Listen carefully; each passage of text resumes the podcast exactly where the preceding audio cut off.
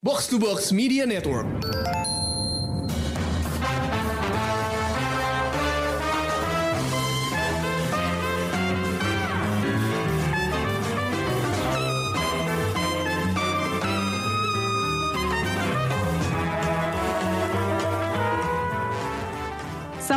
Sawadika pendengar Showbox, gue jadi kebiasaan nih kasih greeting berdasarkan judul yang mau kita bahas. Well, niat gue bukan untuk pamer bahasa, tapi cuman pengen kasih petunjuk tentang judul yang bakal dibahas di episode kali ini. Jadi, berdasarkan greeting gue, mungkin kalian udah tahu judul apa yang bakal di-review. Kali ini kita akan membahas judul Hunger film Thailand yang ada di Netflix yang disutradarai oleh Dom Siti Siri Mongkosiri. Dibintangi oleh Aukbab Cutimon yang sudah sempat memukau kita lewat Bad Genius. Cerita Hunger ini adalah tentang apa ya? Uh, cewek tukang masak di restoran keluarga di Bangkok bernama Aoi dan dia di scouting sama uh, salah satu kru dari chef terkenal, Chef Paul, yang restorannya atau mungkin lebih tepatnya disebut catering service ya, high end catering service, Hunger. Nah, sejak bergabung dengan Chef Paul ini, si Oi, dia masuk ke dunia orang-orang kaya yang rada aneh makanan bukan lagi jadi sumber gizi atau kenikmatan, tapi simbol prestis.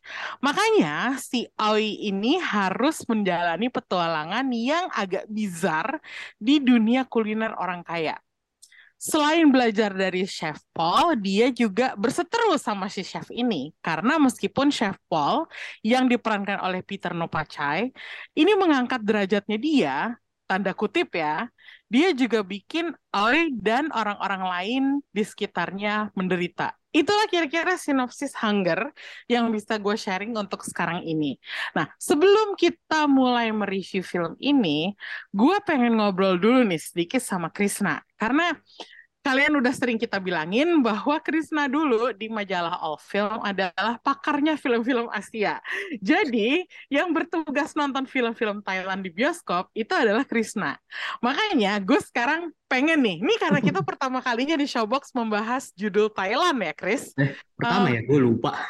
ini ini pertama kali deh. Sebelumnya gue nggak inget pernah ngebahas uh, film Thailand apa pun atau seri hmm. apa pun. Jadi makanya gue pengen ngobrol dulu tentang perfilman Thailand.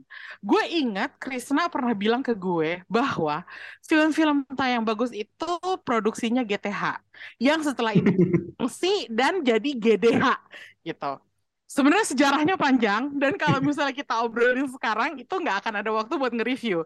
Um, tapi sementara uh, kalau menurut gue sepertinya Hunger ini bukan film GDH ya.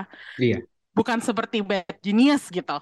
Hmm. Uh, uh, gimana sih posisinya di perfilman Thai untuk film ini, Chris?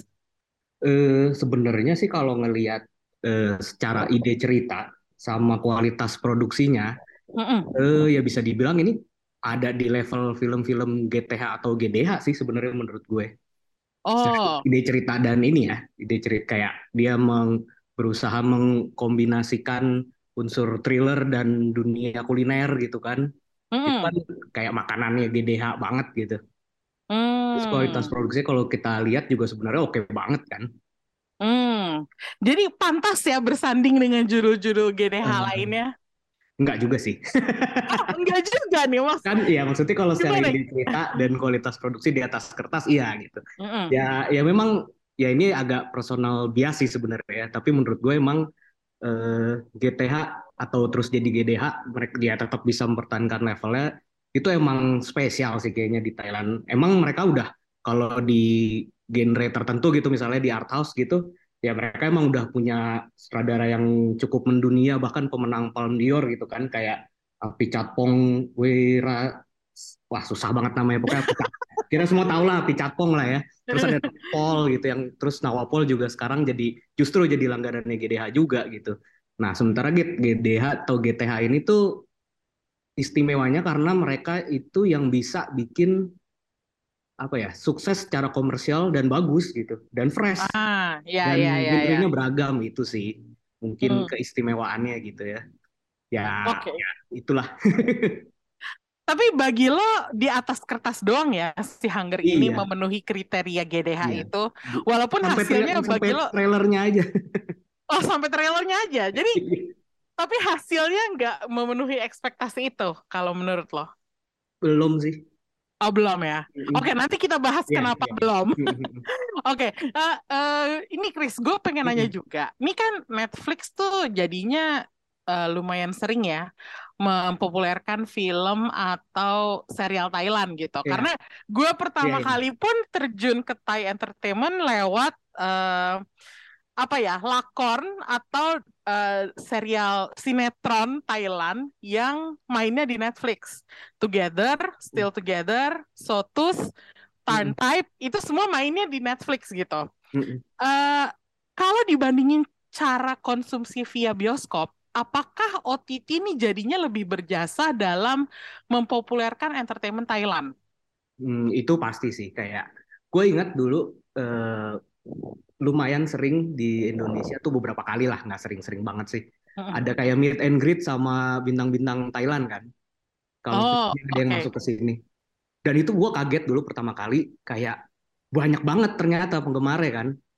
Oh. Dan itu lumayan gak kedeteksi kan. Terus uh, ditambah bahkan gue inget dulu sampai ada caloknya loh pas Mario Morer ke sini. gue inget di CGV Green Indonesia tuh sampai ada caloknya gitu saking populer ya. Nah, cuma kan dulu untuk nonton itu semua masih susah ya. Maksudnya ya dulu mungkin kebanyakan lewat bajakan lah ya. Karena nggak hmm. ada aksesnya gitu. Nah, sekarang udah ada Netflix, sudah ada View yang banyak muter serial-serial Thailand juga, itu gue rasa sangat membantu akses ini sih untuk ke lebih banyak orang gitu ya, jadi lebih kenal. Ya termasuk kayak lo juga kan? Iya betul, itu gue salah satu apa ya contoh sukses uh, penetrasi market hmm. gitu. Dan dan ini kan di apa, Indonesia gitu. Serial Thailand itu punya cara menjual yang sebenarnya mirip kayak apa ya kayak mereka emang lumayan mengikuti ini sih ya industri film Asia yang lebih maju kayak Korea atau Jepang gitu mereka hmm. sangat menjual idolnya gitu kan betul ya betul ya, banget. Nah, contohnya itu, ya. itu Together itu. Dan Still Together. Bright Twin kalau nggak kenal siapa Bright Twin itu sekarang kayaknya lo bukan jadi anak zaman sekarang gitu. Ya kayak gitu. Yeah, kan? bener.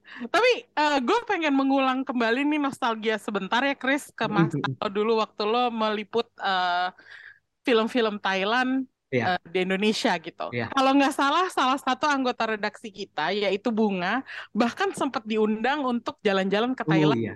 Chiang Mai. Uh, ke Chiang Mai gitu ya untuk uh, apa ya kayak semacam apa sih? Ya, gue lupa persisnya sih. Iya persisnya ngapain, tapi sempat diundang gitu. Ngedatengin set-set yang jadi filmnya sih, tapi waktu itu bukan film GDH atau GTH ya. Iya betul, tapi sempat ada kerjasama itu gitu. Dan apa waktu itu lo sering banget uh, datang ke liputan yeah. film Thailand di Indonesia. Itu gimana sih ceritanya? Kok bisa terjadi seperti itu gitu? Nah dulu kayaknya si distributornya itu kayak lagi lumayan kenceng-kencengnya mempromosikan film Thailand. Jadi mereka tuh rajin banget ngebawa cast dan sutradara ya. Jadi gue lumayan udah punya inilah pengalaman ketemu dengan bintang-bintang top Thailand dan sutradara-sutradara. ketemu siapa aja nih Chris? Itu. Hah? Ketemu siapa aja Chris? Wah kalau sutradara tuh gue pernah ketemu Banjong, pernah ketemu Nawapol, Oh iya, lo iya. pernah si Banjong yang bikin The Medium ya? Iya. Uh, uh. Sama Shutter. Shutter.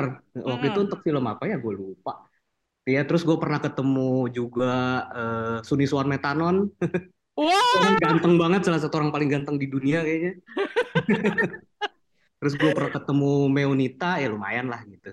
Tapi ya itu balik lagi ngomongin itu kan rata-rata film-film GTH ya yang yang mm. udah datang ke sini promosi. Mm keistimewaannya itu kenapa mereka bisa sekuat itu di Thailand mereka selalu merajai box office dan filmnya bagus itu karena orang-orang topnya bos-bosnya itu emang orang-orang film jadi mereka kayak ah. dan tuh tahu gimana cara bikin film yang bagus secara kreatif dan menjualnya secara oke okay, gitu banyak kan uh, apa kayak Banjong gitu Banjong Pisan Tanakut misalnya dia tuh kayak cuman mau kerja sama GTH sampai sekarang filmografinya tuh di GTH semua aktor-aktornya pun banyak yang begitu Nggak heran sih, yeah. emang karena uh, eh, GTH ini GDH ya kita nyebutnya sekarang. Sekarang GDH. GDH ini adalah dimiliki oleh uh, salah satunya JMM Grammy yang hmm. merupakan salah satu perusahaan entertainment terbesar di Thailand hmm. yang anak perusahaannya pun wah itu uh, itu emang kelas atas banget sih intinya. Yeah. Um, jadi kita udah tahu nih kira-kira perkembangan sinema dan pertelevisian hmm. Thailand tuh kayak gimana. Oh, jadi apalagi setelah apa itu, setelah GTH pecah kongsi, terus akhirnya uh, dengan nama GDH, hmm? tuh sekarang eh, saham sahamnya tuh dimilikin sama ini filmmaker filmmaker yang biasa oh. tuh kerja untuk GTH. Jadi ya makin inilah mereka makin apa ya, makin flag apa makin bebas untuk berkembang secara kreatif gitu. Nah ini nih hmm. uh, kayaknya apa ya satu model yang kita nggak nggak lihat di negara belum, lain belum ya. Belum ada sih ya di sini kayaknya. Iya, maksudnya di sini pun kayak nggak ada satu apa ya satu wadah uh, naungan yang apa ya komersial gitu. Intinya yeah. kan bukan hanya untuk seni doang tapi untuk menghasilkan keuntungan yeah, juga ya. itu dia. Itu itu itu satu yang patut dipelajari tuh dari Thailand kalau menurut yeah. gue. Dan uh, sinemanya juga kadang-kadang itu dia tadi yang kita udah omongin ya Chris. Campuran genrenya tuh kadang-kadang smart gitu. Kayak yeah. horor komedi tuh gue nggak nemuin di negara lain. Selucu uh, di Thailand ya. Uh, betul kayak apa ya uh, gue nonton horor yang bisa bikin gue ketawa itu baru di Thailand doang. Waktu itu gue inget banget uh, di mana ya? Di ini, di folklore-nya. Oh. Bukan, folklore-nya HBO. Iya, yeah, iya, yeah, iya. Uh, punyanya Pen X, Ratana mm. Ruang. Mm. Dia bikin tema horor campur komedi yang akhirnya malah jadi lucu banget dan malah akhirnya bikin gue suka lebih suka sama versi Thailand yang episode Thailand daripada episode Korea. Oh, iya. So, jadi ya itu emang sangat ini ya, sangat uh, unik dan hmm. apa ya, kayak campuran genrenya itu kadang-kadang suka nggak nggak kepikiran gitu loh. Nah, salah satu yang paling hebat juga ya itu ya itu mereka berhasil uh, ngajak Nawapol yang sebenarnya tadinya sutradara art house banget hmm Terus sekarang jadi langganan mereka dari mulai apa ya dia pertama kali tuh Heart Attack, mm-hmm. uh, Happy Old Year gitu. Itu kan semua apa ya sukses secara komersial di Thailand, sukses banget. Tapi filmnya juga apa ya uh, bisa dinikmati semua orang, tapi masih bisa terasa sisi art house-nya gitu. Itu itu mungkin ah. nggak ah. di semua rumah produksi bisa ngelakuin itu kali ya. Betul. Itu hmm. ini gua rasa emang apa ya bukan bukan bukan karakteristik atau DNA sinema dari sebuah negara ya gue rasa itu emang personal iya dari si iya filmmakernya gitu. tapi iya. bahwa ini yang punya kekuatan kayak gini tuh dari Thailand itu patut diperhitungkan juga gitu iya. kita nggak boleh meremehkan uh, apa ya uh, perfilman Thailand sama sekali karena gue uh, jujur aja uh, tahun lalu uh, dua tahun lalu, oh, tahun lalu, tahun lalu, pas gue nonton Bangkok Breaking di Netflix, yeah. gue juga cukup menikmati dan gue nggak menyangka bahwa kok bisa ya Thailand bikin sesuatu yang bahkan Malaysia sama Singapura aja nggak bisa belum. gitu, belum yeah. belum sampai gitu. Uh, Bangkok Breaking itu adalah serial action thriller yang kalau menurut gue cukup banyak menyentuh isu sosial di Thailand gitu. Sementara nonton versi Malaysia Singapura uh, Bridge dan hmm. ternyata kalau dibandingin The Bridge itu The Bridge tuh kayak lesu banget gitu kayak nggak ada apa ya hmm. kayak nggak ada jiwanya sama sekali sementara hmm. Bangkok Breaking tuh masih lebih meski pun uh, waktu itu banyak orang-orang di sekitar gue yang merasa serialnya agak norak tapi mm -mm. kalau bagi gue Bangkok Breaking itu adalah salah satu uh, serial yang entertaining dan gue nggak ngomongin ini berdasarkan negara tapi kalau nggak ngomongin trailer uh, sorry thriller Bangkok Breaking tuh salah satu judul yang menarik buat gue gitu hmm. makanya gue merasa wah Thailand nih nggak boleh diremehin sama sekali. Iya gitu. kalau kalau genre action kan jangan lupa sebelum kita punya The Raid mereka udah punya Ong Bak. Betul. Eh, Tony Jaa udah mendunia duluan kan dari Uwais. Tony Jaa sama Iko Uwais harus main film bareng. Apa udah iya. pernah ya? Eh, gue lupa deh. Gue gue lupa. Oke, okay. um, hmm. ini kita langsung masuk ke filmnya aja ya. Maksudnya ya. Uh, kita kan udah ngobrolin sinema dan pertelevisian Thailand ya secara sekilas.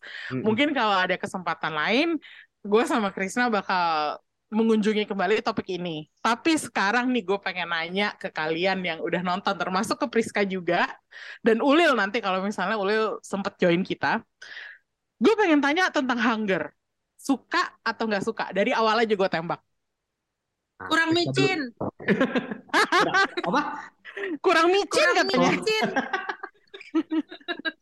Oke, okay, uh, eh, Priska duluan deh. Suka atau nggak suka dan kenapa? Hmm, suka juga iya, enggak juga iya. Jadi apa tuh kategorinya? tengah-tengah. Mixed feeling. Kayak, mixed feeling. Iya. It's complicated. oh, oke, okay. it's complicated. Kenapa? Bisa dijelasin nggak? Eh, uh, kayaknya tuh emang gue nggak boleh nonton trailer ya apa pun karena ekspektasinya tuh langsung jadi wow, oh my god, terus dari itu giliran filmnya sendiri tuh it doesn't help its candle ke trailer gitu. Jadi kan ada ya beberapa emang beberapa hal tuh yang kayak trailernya tuh udah wah banget kita kita pengen nonton banget terus udah gitu tiba pas nonton kayak kok gini. Nah, itulah gue banyak banget kayak momen-momen kok gini sih, kok gini sih, aduh malas banget deh gitu. Oh. Cuman kayak kalau misalnya giliran parts yang uh, apa namanya parts yang nggak bikin garu-garu kepala itu tuh kayak bagus gitu loh. I commend okay. it. Terus udah gitu dan dan ada beberapa narasi ceritanya ya kayak kitchen culture-nya terus udah gitu uh, makanannya itu tuh ya uh, apa namanya itu ja, apa paham lang gue langsung paham dah gitu. Cuman okay. kalau ada, ada beberapa part yang kayak kok gitu sih? gitu Oke, okay. tapi berarti lo nggak bisa nggak bisa bilang dengan pasti bahwa lo suka atau nggak suka gitu ya? Iya kayak love and hate relationship aja gitu loh si film ini gitu kayak mestinya uh, apa namanya ini kan uh, datang setelah kita semua sudah menonton The Menu ya gitu. The Menu tuh end game-nya tuh uh, jelas gitu apa yang uh, akan terjadi gitu uh, kenapa dia melakukan hal tersebut gitu si chef hmm. Slovaknya itu gitu. Hmm. Cuman uh, apa di sini tuh end game-nya tuh agak-agak kayak buyar aja gitu tengah jalan tuh kayak kita tuh pengennya uh, apakah ini Rex to Riches story? Iya, tapi no. Terus udah gitu apakah ini uh, apa namanya? uh, yang uh, apa digembleng habis-habisan terus jadi jadi apa namanya amazing gitu nggak juga sih gitu. jadi hmm. apa ya kayak kita udah udah ditarik eh, kayak ditarik ulur aja gitu loh kita udah mikirnya oh dia bakal gini nih gitu oh ini terus tapi it doesn't happen the way that we expected to be mungkin kita udah terbuai dengan uh, cerita uh, drama atau thriller dari film thrill, thriller atau film kuliner atau film ya de, apa namanya dengan dengan narasi atau uh, apa ya atau tema yang kurang lebih sama gitu. Walaupun mungkin industrinya beda gitu. Cuman uh, kita seba ya gua sih sebagai penonton agak-agak kayak kok gini sih? Balik lagi gitu lagi nanyanya. Ya jadi arahnya yang kurang jelas itu akhirnya bikin yeah. lo bimbang juga gitu ya. Iya jadi kalau misalnya boleh laporan ke Uncle Roger gitu kayak kurang umami. Oh, oke. Okay. Uncle Roger says not enough MSG. Yeah.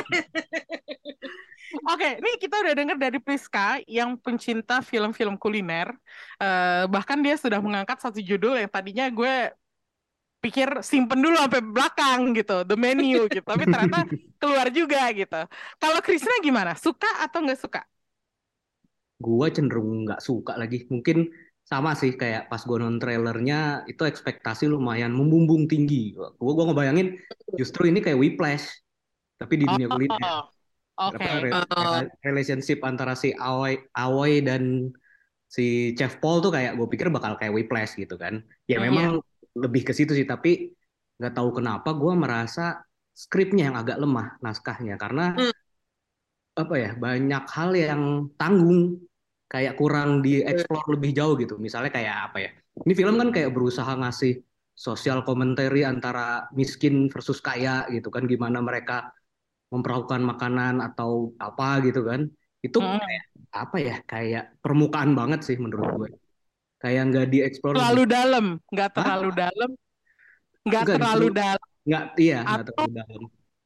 Oh, oke. Kayak di permukaan banget justru kayak kayak di sini diomongin kena apa kayak eh, orang miskin itu makan cuman buat eh, menghilangkan rasa lapar gitu ya.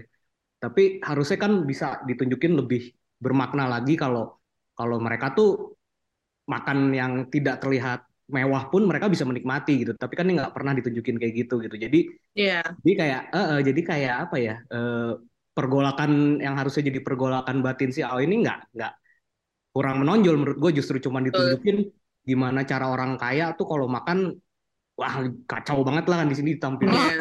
rakus, Rakus. jelek gitu kan. Nah, Ya kayak itu kan menurut gue sih permukaan banget gitu ya. Terus kayak apa ya? Gue juga kurang kurang suka sama development karakternya sih. Maksudnya Hmm. kayak di sini kan dibilang kayak si Ao ini jadi lupa daratan gitu kan. Dia melupakan rumah. Tapi kayaknya dia sebenarnya nggak gitu-gitu amat deh. dia masih pulang, dia masih tetap eh, ketemu keluarganya, dia masih ketemu temannya yang eh, konten kreator itu masih ngobrol apa terus kayak ceritanya dia di, dikucilin sama temen-temennya kenapa? Dia nggak ngapa-ngapain gitu. Itu menurut gue Iya, betul. explore sih. Itu sih kayaknya kurangnya Hmm, oke, gue paham. gue nanya suka atau nggak suka, ini karena sebelum gue nonton, gue sepertinya udah dapet tanda-tanda nih dari Ulil. Pas gue ngobrolin sama Ulil tentang kapan ya gue bisa selesai nonton film ini, si Ulil langsung bilang, gak usah kak, langsung aja lo nonton di TikTok. Terus gue lah kenapa gue harus nonton di TikTok? Apa maksudnya si Ulil gue suruh nonton klip-klipnya aja? Jadi gue pengen nanya nih sekarang sama Ulil, Lil maksud lo nyuruh gue nonton di TikTok tuh gimana ya untuk film Hunger? Ya karena menurut aku dua jam itu cukup membuang waktuku. panjang ya terasa Iya. panjang banget Bener. Heeh. Eh, setuju dengan Prisca kalau film ini kurang micin. Iya. Setuju. Setuju dengan Krisna untuk developnya juga kurang banget gitu ya. Hmm, karena di TikTok tuh udah lengkap gitu loh ini bagian-bagian penting yang mesti lo tonton tuh udah udah lengkap gitu. Eh, banyak sekali kreator yang sudah meluangkan waktunya untuk memotong-potong klipnya. Jadi kayaknya dengan nonton klipnya lo bisa paham filmnya gitu tentang ambisiusnya, tentang eh, kesetaraan, eh kesenjangan sosial di Thailand terhadap eh, makanan gitu ya tanda petik. Terus eh, gimana si Oi-nya berjuang untuk jadi chef juga.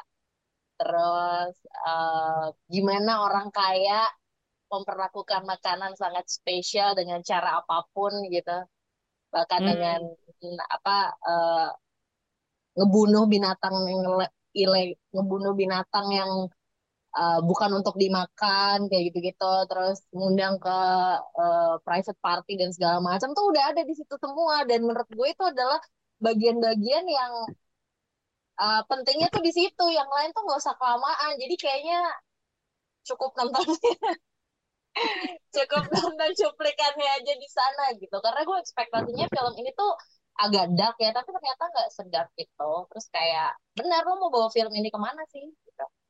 Hmm, oke. jadi Nah, sekarang jelas ya, Ulil maksudnya nyuruh gue nonton TikTok tuh apa? Gue tadinya mikir lah kenapa TikTok ya? Gue gak pakai TikTok masalahnya, Lil. mau mau dibawa ke mana ditaruh ditaruh di freezer aja biar minggu depan dikeluarin lagi. Heeh, kesel gitu kayak duh lama banget sih mau ke mana ini mau ke mana gitu. Oke, nih gue kalau boleh buka kartu lagi nih ya, waktu gue ngobrol sama Priska, ternyata dia sempat berhenti nonton loh. Terus dia switch ke Sayo Sakato. Kecurigaan gue adalah dia milih Sayo Sakato itu karena di Netflix Indonesia sempat sebelahan tempatnya. Jadi kalau lo buka halaman depannya Netflix Indonesia tuh di daftar rekomendasinya Hunger sebelahnya Sayo Sakato. Jadi gue pengen nanya nih sama Priska. Um, ini Sayo Sakato kan juga judul kulineran ya, tapi tanpa thriller. Apakah lo lebih suka Sayo Sakato dibandingkan Hunger jadinya? Jawabannya adalah karena nasi padang is life. Oke, oke. Ini uh, coba keluarin kenapa nasi padang lebih menarik daripada masakan yang lo lihat di Hunger. Gini, tahu ini adalah uh, film tentang kuliner uh, dari trailer dan tentunya judulnya. Ekspektasi gue adalah visual makanannya itu uh, apa ya uh, menarik gitu. Uh, cuman hmm. sayangnya karena tadi kurang micin itu, jadi tuh kayak menurut gue tuh B aja gitu. Walaupun cara masaknya apa segala macam it's interesting. Apalagi yang waktu bagian dia si oh itu di tes suruh uh, masak nasi goreng. Terus itu tuh kayak triumphant uh, feel-nya tuh udah udah uh, dapat banget gitu. Dan pengen banget itu dibawa ke terus di di semua momen-momen uh, di film itu gitu. Tapi di luar dari bikin nasi goreng itu tuh kayak kok aduh kayak uh, capek deh. Kayak jengah bikin jengah gitu loh kayak dramanya bikin jengah terus udah gitu konfliknya bikin jengah terus udah gitu kayak udah udah udah, daripada daripada gua kesel sendiri coba kita nonton yang Sayo Sakato. Terus Sayo Sakato dimulai dengan gulai kepala ikan yang kayak oh oke okay, oke okay, oke okay, oke okay. boleh boleh boleh boleh. Oke okay, terus udah gitu uh, apa namanya uh, tiga jam kemudian udah setengah jalan tuh seri gitu. oh, oh ya ya ya ya. Uh, berarti visual makanan di Sayo Sakato lebih bagus daripada Hunger? Nggak lebih bagus ya, cuman lebih menarik gitu. Karena uh, apa namanya sebagai orang yang masak, uh, apa namanya dan uh, pahamlah gitu uh, fine fine dining gitu. Uh, itu tuh kayak biasa aja gitu. Uh, gue kira tuh uh, mereka itu adalah uh, cerita yang dari Thailand, makanan mereka tuh uh, menarik gitu, kayak uh, jauh lebih bisa dijadiin fine dining daripada masakan Indonesia. Semua orang juga pasti hmm. akan paham itu gitu. Gimana cara lo bikin rendang atau asam padeh jadi uh, fine dining gitu, susah gitu ya.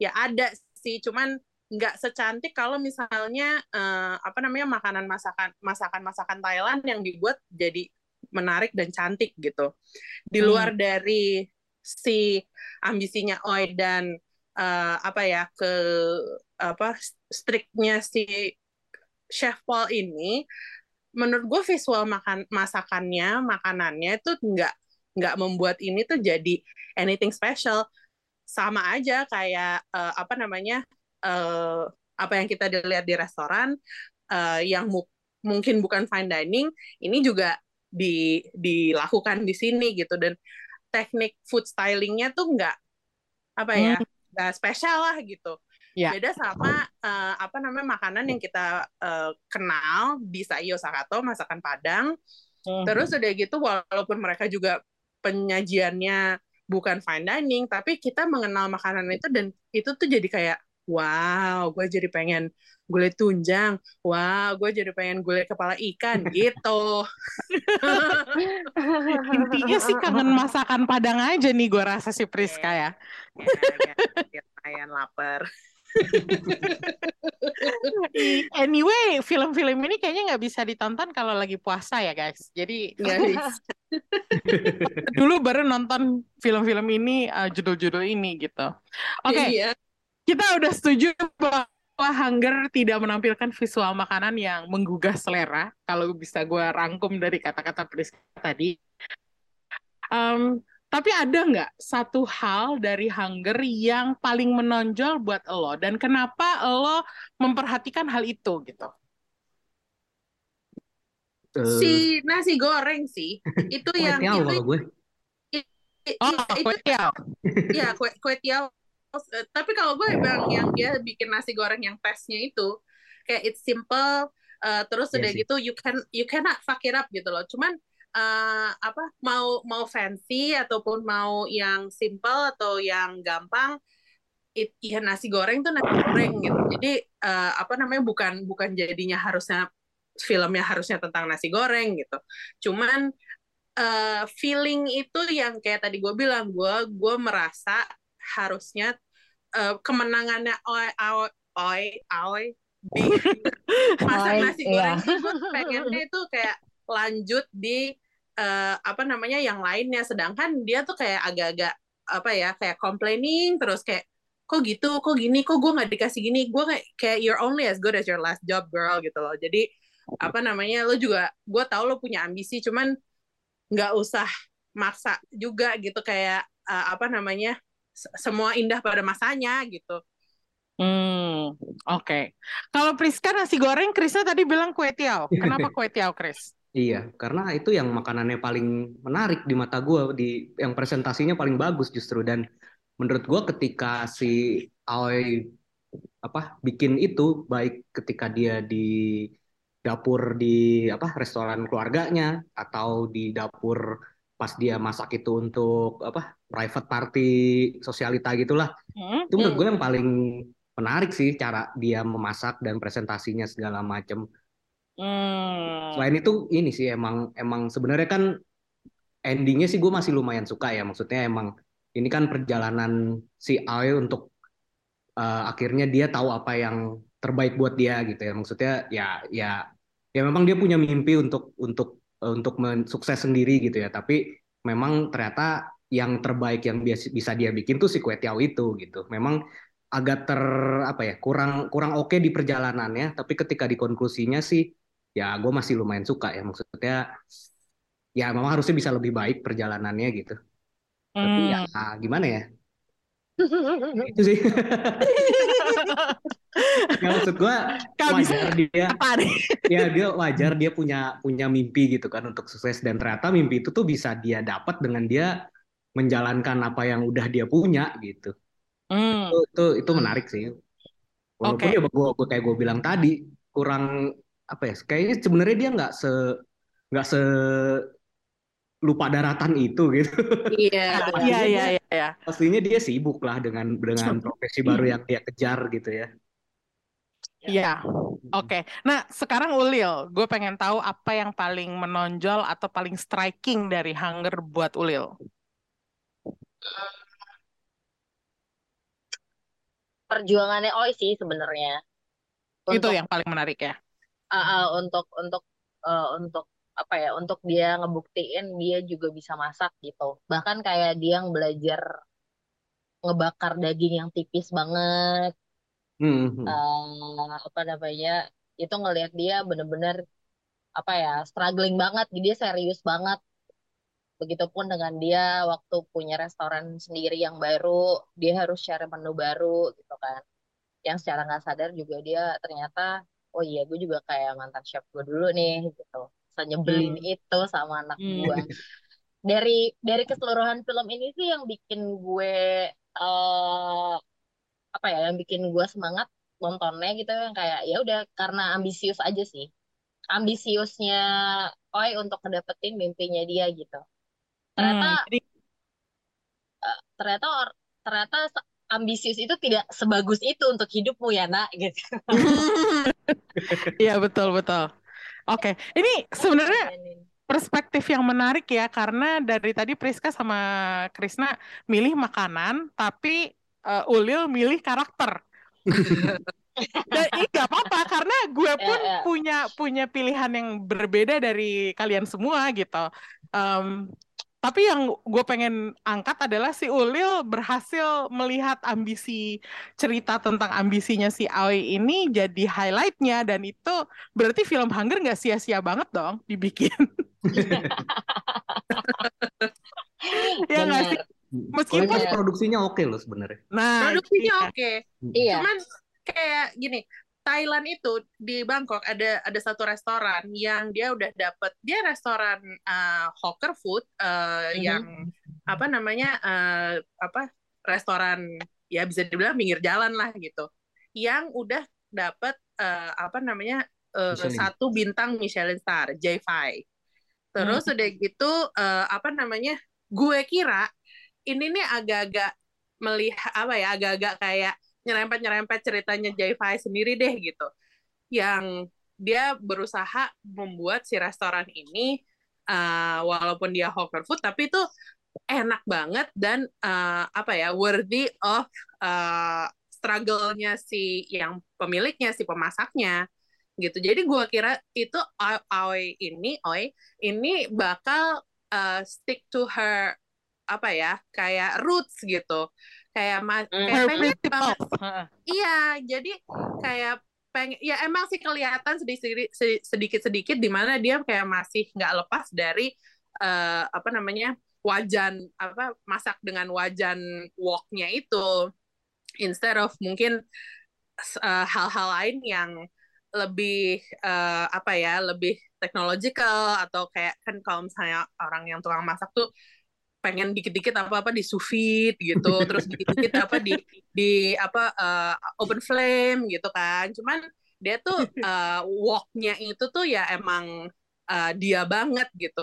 Gue kira dia tuh bakal uh, apa stick to her uh, apa namanya street food personality tapi uh, excel at that. Cuman ya gitu kayak kok lo cuman bolak-balik jadi apa namanya fine dining yang gitu-gitu aja gitu kayak no no ada yang spesial ya, ya? Iya, nothing special bener itu dia. Walaupun ambisinya emang kerasa dia pengen banget jadi kayak apa ya dia oh. sendiri pun juga bilang kan I want to I want to be special gitu. Uh, dia tuh bisa jadi special tanpa harus uh, apa namanya stay in that uh, style aja gitu loh. Jadi uh, apa namanya kayak eh ya itu kurang bagus tapi kok kurang ya gitu. Hmm, oke okay, oke. Okay. Sebenarnya gue nggak masalah ya dengan um, apa ya. Uh, jadinya ini yang striking bagi gue adalah film ini ternyata bukan film tentang masakan, bukan tentang kuliner. Mm -hmm. Itu yang yang akhirnya bikin gue bisa bertahan nonton sampai akhir. Karena ternyata setelah nonton ini, gue jadi menemukan jawaban kenapa karakternya Ray Fiennes di The Menu, Chef Slowick, itu akhirnya melakukan apa yang dia lakukan dengan mengorbankan dirinya sendiri. Percaya atau enggak, ini uh, gue temuin dalam satu adegan di mana Chef Paul sama Oi dia lagi ngobrol berdua tentang uh, masa lalunya si Chef Paul, kenapa dia jadi chef gitu.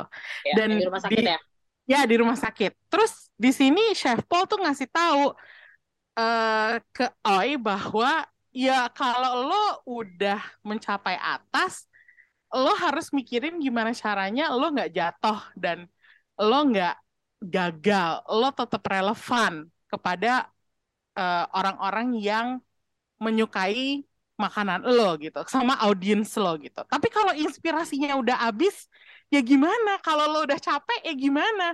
Makanya gue jadi wah si chef Paul sama chef Slowick nih ada benang merahnya juga nih. Gue jadi paham potensi ke situ tuh ya si Paul ya, ya kayak wah ternyata kalau jadi intinya kalau chef Paul udah sampai ke titik di mana dia muak sama semuanya dia bisa jadi chef Slowick gitu. Kayaknya tipe-tipe obsessive personality yang yang bakal melakukan sesuatu yang dilakukan sama si Chef Slowick di The Menu gitu dan gue jadi menarik benang merah bahwa wah ini kayaknya chef ini per, kepribadiannya tuh emang gak biasa ya hidup sebagai chef tuh bagaikan hidup jadi seniman kayaknya gitu loh. Memang ya, ya betul betul. Ya, makanya terus akhirnya gue mengubah cara gue memandang film ini gitu. Gue melihat film ini akhirnya bukan film kuliner tapi film tentang rasa lapar itu sendiri. Jadi dari semua hal yang ada di film ini, yang paling berkesan bagi gue adalah kutipan dari Chef Paul, yang di mana dia bilang orang miskin makan untuk memuaskan rasa lapar. Tapi ketika kamu sudah punya lebih dari cukup untuk makan, rasa laparmu tidak akan berakhir. Rasa lapar itu adalah untuk pengakuan, keistimewaan, dan pengalaman eksklusif. Jadi itu kayaknya yang pengen digambarin sama film ini sebenarnya yang judulnya adalah hunger gitu ya rasa lapar jadi emang emang gue rasa sih ini bukan misdirection bukan trailernya menjual sesuatu yang palsu tapi cara pandang kita terhadap film ini tuh emang emang nggak boleh memandang sebagai hanya film kuliner gitu makanya hmm. gue tertarik dengan apa ya Ulil menyebutkan ambisi. Karena emang iya nih film tentang ambisi gitu tentang tentang rasa haus dan rasa lapar untuk kesuksesan gitu. Yang pada akhirnya akhirnya si Aoi sendiri sadar bahwa ya gue gak perlu segitunya sih gitu. Akhirnya dia balik hmm. lagi kan ke restoran keluarganya itu gitu. Makanya gue sih kalau gue ya nonton film ini gue kayak merasa lega gue nggak kerja di dunia kuliner atau hospitality gitu. Karena kok kayaknya capek banget ya guys buat oh, liburnya. iya nggak ada liburnya. Terus deh gitu apa ya kayak itu tadi yang Krisna bilang cara orang kayak makan mengonsumsi makanannya tuh agak nakutin gak sih? Kayak rakusnya tuh nggak ketolongan gitu. Ya nggak sih? Gue yeah. gue sempet bilang pas nonton uh, gue membatin ini kok banyak merahnya ya? Kok si chef Paul tuh banyak banget gunain apa ya kayak semacam percikan darah tapi di piring gitu. Terus cara terus cara orangnya disorot untuk makannya tuh yang mulutnya di close up banget gitu tuh agak-agak akhirnya bikin gue maaf ya agak jijik gitu. Jadi gue merasa kayak wah ini emang film kayaknya bukan buat untuk bangkitin selera gue deh ini kayak film memang sengaja mau bikin gue merasa takut terhadap dunia kuliner gitu intinya gitu nah tapi sekarang nih kita beralih sedikit tentang genre setelah menu nih ada Hunger. Tadi gue udah narik benang merah antara dua film itu. Ini thriller kuliner adalah um, kayaknya genre yang lagi populer nih. Gimana kira-kira ke depannya? Apakah film kuliner masih perlu ekstra bumbu buat supaya sedap ditonton. Menurut lo gimana? Kalau menurut gua sih bumbu thriller nggak masalah. Hmm. Memang thriller tuh bisa dimasukin ke mana aja sebenarnya kan, dan itu hmm. bisa memberi bumbu ekstra gitu kan, kayak lu bilang tadi. Tapi kalau kalau uh, per, apa uh, selera personal gua, gue justru kayak selalu menikmati kalau kita nyebut spesifik film kuliner ya, hmm. justru nggak yang thriller sih, kayak apa ya misalnya kayak chefnya John Favreau gitu atau oh. kayak belum lama kita nonton Makanai mm, mm. itu itu itu film-film apa ya kuliner yang gue suka dan gue lebih suka kalau spesifik emang genre film kuliner ya kayak gitu sih emang apa ya menyajikan makanan tuh with love gitu. Iya. Gak perlu thriller. Gak perlu thriller, iya maksudnya gini ratatouille aja walaupun ah, iya. dimasaknya sama tikus tapi kayak heartwarmingnya tuh dapet karena kayak makanan itu ada asimilasinya sama memori gitu. A good memory a bad memory invoking yeah. memory iya, gitu. yeah, kan di situ kan uh, apa namanya heartwarming uh, dari apa yang kita konsumsi gitu. Tidak uh, tidak harus karena makanan itu mahal gitu kan. Hmm. dan bener banget Krisna. Jadi kayak nggak harus sih thriller gitu. Cuman kalaupun mau thriller end game-nya emang harus jelas aja sih. Oh, menu okay. lah gitu ya. Iya kayak dia udah setengah jalan tuh kita tahu kayak wah ini mau dikorbanin nih gitu. Terus udah gitu cuman kayak apa namanya uh, lah semua apa sci-fi thriller terus udah gitu uh, apa namanya action thriller kita lah end game-nya tuh bakal ke mana gitu. Ada big boss fight-nya terakhir gitu atau apa namanya big reveal-nya gitu jadi uh, apa namanya kalau misalnya nggak harus thriller bener banget nggak harus thriller cuman bisa cuman kayak ya mungkin bumbu yang lain ada yang lebih enak kok Oh iya betul betul betul. Ini kata-kata seorang tukang masak ya. nggak usah nggak perlu thriller doang gitu masih ada. Iya. Yang lain kayak buktinya, garam, iya, bu, buktinya Sayo Sakato dia juga sebenarnya nggak tentang makanan gitu loh. Jadi uh, apa namanya tapi uh, apa gue juga kayak ih ternyata dia tuh uh, it's interesting and uh, apa namanya gue udah nempel sama Sayo Sakato gitu. Hmm, oke. Okay. Kalau Ulil preferensi lo gimana? Film kuliner perlu bumbu thriller nggak? Hmm, perlu, tapi memang harus dibuat secara matang banget ya, karena menurut gue film kuliner tuh susah-susah gampang. Hmm. Uh, gampangnya mungkin karena terlihat itu makanan dan pas lo tonton itu berulang kali lo pasti akan kepengen makan gitu kan hmm. kayak gue ya sama kayak Priska nonton Sayu Sakato gue juga nonton kayak abis itu gue langsung makan uh, nasi padang paru perkedel gitu ya sambil menamakan Sayu Sakato uh, Terus waktu nonton Hunger gue juga langsung kepengen kue teonya sama kayak Krisna gitu. Wah menarik juga nih kue teonya ya. Atau kayak gue langsung pengen makan patai. Cuman uh, susahnya adalah uh, gimana lo menceritakan dan mengambil semua gambar-gambar itu kan dengan bagus dan bercerita gitu ya. Kayak hmm. jelas gitu loh lo mau ke mana gitu. Bahkan kalau misalnya pun ada trailer lagi ya udah ayo nggak apa-apa buat lagi ya coba lagi gitu tapi kalau ya, ya. banget belajar dari yang sebelumnya gitu ya bahkan kayak misalnya ada the menu mungkin uh, fresh bisa kita bilang film makanan juga nggak sih walaupun iya. dia potong-potong bisa bisa bisa ya. iya gitu loh maksudnya jangan nanggung kalau mau kalau mau uh, yang dark yang kejam ya udah sekalian aja gitu karena Hunger tuh menurut gue nanggung banget. Dia nah. coloringnya udah dark.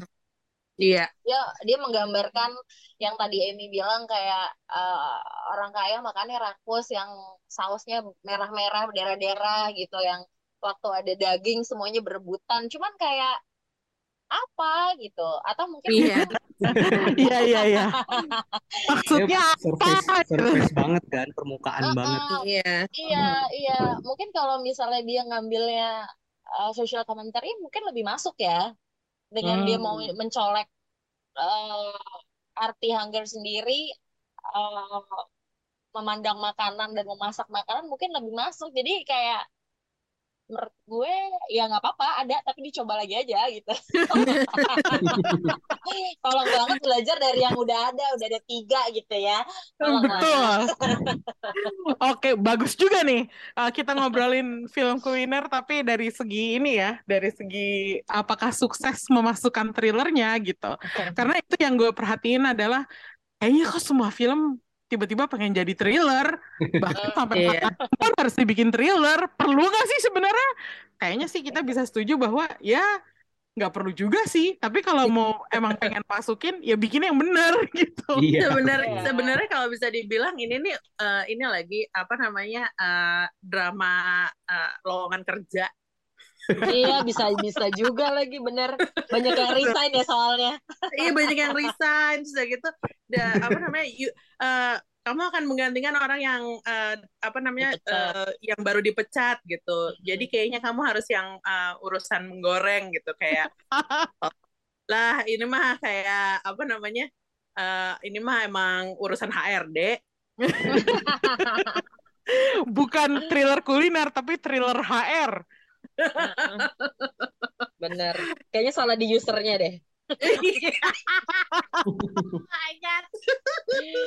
Nggak, lagi-lagi pembicaraan kita agak melenceng dikit, jadi gue balikin arahnya ke yang seharusnya. Um, ini setelah nonton Hunger, uh, kayaknya gue punya feeling bahwa kita belum diyakinkan untuk jadi penggemar Thai entertainment yang heavy fan, seperti halnya kita menggemari K entertainment mungkin Krisna udah punya pengalaman ya, udah curi start duluan dengan dulu dia jadi jurnalis gitu. Tapi kalau yang gue bisa rasain sekarang adalah hunger itu belum cukup untuk bikin kita jadi Thai devotees gitu. Apa perasaan lo terhadap Thai entertainment dan apakah ke depannya lo mau coba mengonsumsi lagi entertainment semacam ini? Jelas mau sih, kan ya mas apa selalu terbuka dengan tontonan baru lah. Cuman, oh, cuman okay. emang apa ya? Ya gue baru sold dengan Thai Entertainment baru sama produksinya GTH dan GDH sih ya. Untuk mm. itu emang gue belum menemukan yang benar-benar menonjol sih ya. Mungkin gue gue juga masih kurang cocok dengan seri-seri mereka ya. Mungkin apa ya? Mungkin mereka masih terlalu apa ya? Terlalu mengambil referensi dari Korea kali ya Yeah. Oh, terlalu mirip sama K iya. drama iya. dan K films and everything ya? Iya, uh -uh. jadi kayak masih butuh mencari identitasnya mungkin. Ah, oke. Okay. Kalau Priska gimana? Itu sih karena uh, visibility aja kayaknya ya, karena emang konten K entertainment tuh mudah didapat jadi emang jadi pilihan itu mudah gitu buat buat kita untuk konsumsi tonton dan enjoy gitu. Uh, di OTT kan lumayan banyak lah uh, ininya yang yang lama yang baru terus udah gitu yang ikonik gitu itu semuanya ada gitu. Uh, over the years tuh sebenarnya gue juga don't mind sih nonton uh, film Thailand cuman bisa dihitung satu tangan uh, apa namanya uh, berapa film yang selama ini udah make an impression on me gitu. Uh, dari Thailand dan nggak banyak dan kalaupun masih kalaupun ada lagi itu uh, lebih bagaimana kita bisa mendapatkan uh, itu dengan mudah gitu ya. Kalau misalnya memang dari OTT itu ditawarinnya sama banyaknya kayak kayak drama atau dorama juga bisa kok gue apa namanya gue uh, cek gitu kalau misalnya emang cocok ceritanya apa yang gue suka based on preference juga I don't mind gitu. Cuman emang butuh uh, apa ya butuh akses uh, lebih uh, baik aja sih ke materi-materi itu konten-konten itu. Informasinya mungkin ya. Iya ya. hmm. Ulil tuh sempat merekomendasikan satu film Thailand yang akhirnya gue cek ternyata ada di view gitu Um, berarti Ulil nggak keberatan untuk mencoba nonton yang lain dong, Lil? Hmm, enggak sih. Aku tuh pencinta film Thailand dari SMA sih. Oh, wow. Oke. Okay. Iya, iya, iya. Dulu tuh suka banget nonton film Thailand. Tapi ya mungkin top of mind gue adalah film Thailand tuh yang romance dan horror aja. Karena mereka menurut gue cukup serius dengan kedua genre itu sih. Oh, kayak okay. iya kayak apa ya? Um, lo mau dapet cinta-cinta, romance, family, friendship, uh, lovers tuh ya bikin nangis, ketemukan sampai nangis seneng tuh ada gitu Thailand tuh. Hmm. Nonton horor uh, dari yang lucu ya ya spesial mereka kan horor komedi ya. Hmm. Itu itu itu selalu sukses kan, yang bikin horor banget sampai gue nggak bisa tidur seminggu juga ada gitu. Jadi iya kayak nonton Ladalan gue takut banget gitu. Kayak takut beneran. gue nonton teater nggak ber nggak berani lihat kaca sama, seminggu. Sama itu maksudku kayak ya udah gitu. Mungkin mungkin um, karena top of mind gue adalah horror dan romance jadi ketika dapet yang genre ini gue gue punya ekspektasi tinggi oh mereka juga pasti bagus ya. Tapi ternyata masih butuh exercise lebih sih. Iya. Yeah. uh, oke. okay. uh, uh, uh, itu sih. Oke okay, paham. Eh tapi kalau misalnya gue disuruh nonton seriesnya Thailand gue nyerah. Oh nyerah? Kenapa? Kepanjangan gak kuat. Panjang banget gak kuat. Tapi kalau film gue sikat sih. Oh oke. Okay. hmm. Uh, surprisingly gue udah cukup banyak nonton lakornya Thailand dan gue nggak keberatan. Uh, beda sama Krisna, gue nggak strictly konsumen GDH karena uh, uh, gue nonton apa yang lebih apa yang menarik buat gue ya dan kadang-kadang uh, yang menarik buat gue tuh salah satu yang gue nikmatin baru baru-baru ini justru gue nontonnya di YouTube pure Untuk... YouTube karena dia menyediakan serial ini tanpa uh, apa ya tanpa tanpa bayaran. Oke. Okay. Bener bener-bener gratisan dan uh, kita nggak bayar, cuman ya nontonnya emang harus dipotong 15 menit 15 menit aja gitu. Uh, yang gua tonton itu justru malah adaptasinya Antik yang judul Jepang sama Korea. Uh, tapi kalau di Thailand disebut Baker Boys dan ini yang main adalah salah satu aktor Thailand favorit gue, Singto Pracaya. Dan itu gue nonton semuanya di YouTube gitu. Jadi uh, apa ya nggak ada salahnya juga sih lo mau nerima bentuk apa ya entertainment macam apa pun dari Thailand itu ada sebenarnya kayak mm -hmm. horor ada komedi ada lakon yang mendayu-dayu ada gitu. Jadi kalau gue sih optimis ya sebenarnya entertainment Thailand tuh masih bisa lebih maju lagi. Kalau di Asia sih dia jelas di atas Indonesia ya. Kalau menurut gue gitu Chris. Lo setuju apa enggak sama gue? Setuju sih kalau dibanding Indonesia sih masih ya kita mesti masih harus ngejar juga sih kalau ke Thailand karena ya, ya itu variasi genrenya mungkin ya kita masih kalah. Hmm, itu dia. Dan, dan dan semua apa dan beberapa itu kualitas produksinya udah bagus banget. Walaupun banyak juga sih film Thailand yang gue tonton ternyata kualitas produksinya tuh ya masih bagusan film Indonesia. Tapi begitu ketemu yang kualitas produksinya bagus ya itu udah nggak kalah sama Korea atau Jepang mm-hmm. gitu. Ya, itu dia. Jadi gua rasa sih kita bisa optimis ya, kita bisa menemukan entertainment di Thailand seperti kita menemukan entertainment di Jepang atau Korea gitu. Jadi gua nggak takut sama sekali, cuman ya itu aja, kita harus bisa milih apa yang cocok buat kita gitu. Yeah. Intinya. Yeah. Um, Oke, okay, sebelum kita tutup diskusi ini, kita kasih rating buat Hunger yuk. Gue penasaran nih, okay. pada kasih berapa bintang nih? Siapa yang mulai? Gue dua setengah deh. oh, dua setengah. Oke. Okay.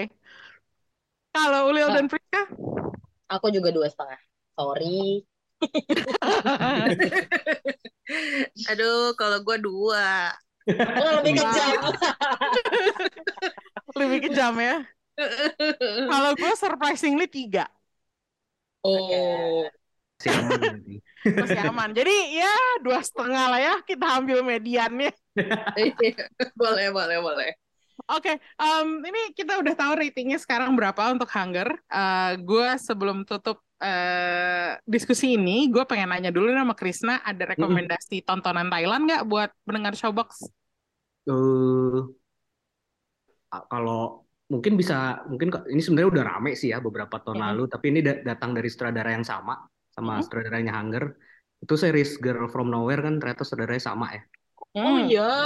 Iya. Terus ya kalau yang menurut Itu gua level topnya film Thailand yang mesti lu coba dan genrenya lumayan fresh tuh Fast Feel and Love sih. Oh, eh, oke. Okay. Dari ya. sutradara Nawapol. Ditemukan di mana nih rekomendasi lo, Chris? Dua-duanya ada di Netflix.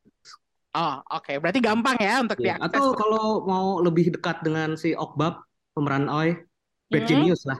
Iyalah itu kayaknya kalau itu nggak perlu direkomendasi. Ya udah udah udah pada tahu lah, udah pada nonton itu mah ya. Iya Bad Genius. Um, Oke, okay. thank you rekomendasinya Krisna uh, untuk teman-teman Showbox, uh, pendengar Showbox lainnya yang penasaran sama gimana sih sebenarnya sinema Thailand atau pertelevisiannya. Lo bisa langsung lihat di Netflix, di View, atau bahkan di YouTube sekalian yang seperti tadi gue bilang banyak yang gratis. Jadi thank you udah dengerin. Kop Kunka, sampai ketemu lagi di episode lainnya. Bye-bye. Bye. Bye-bye.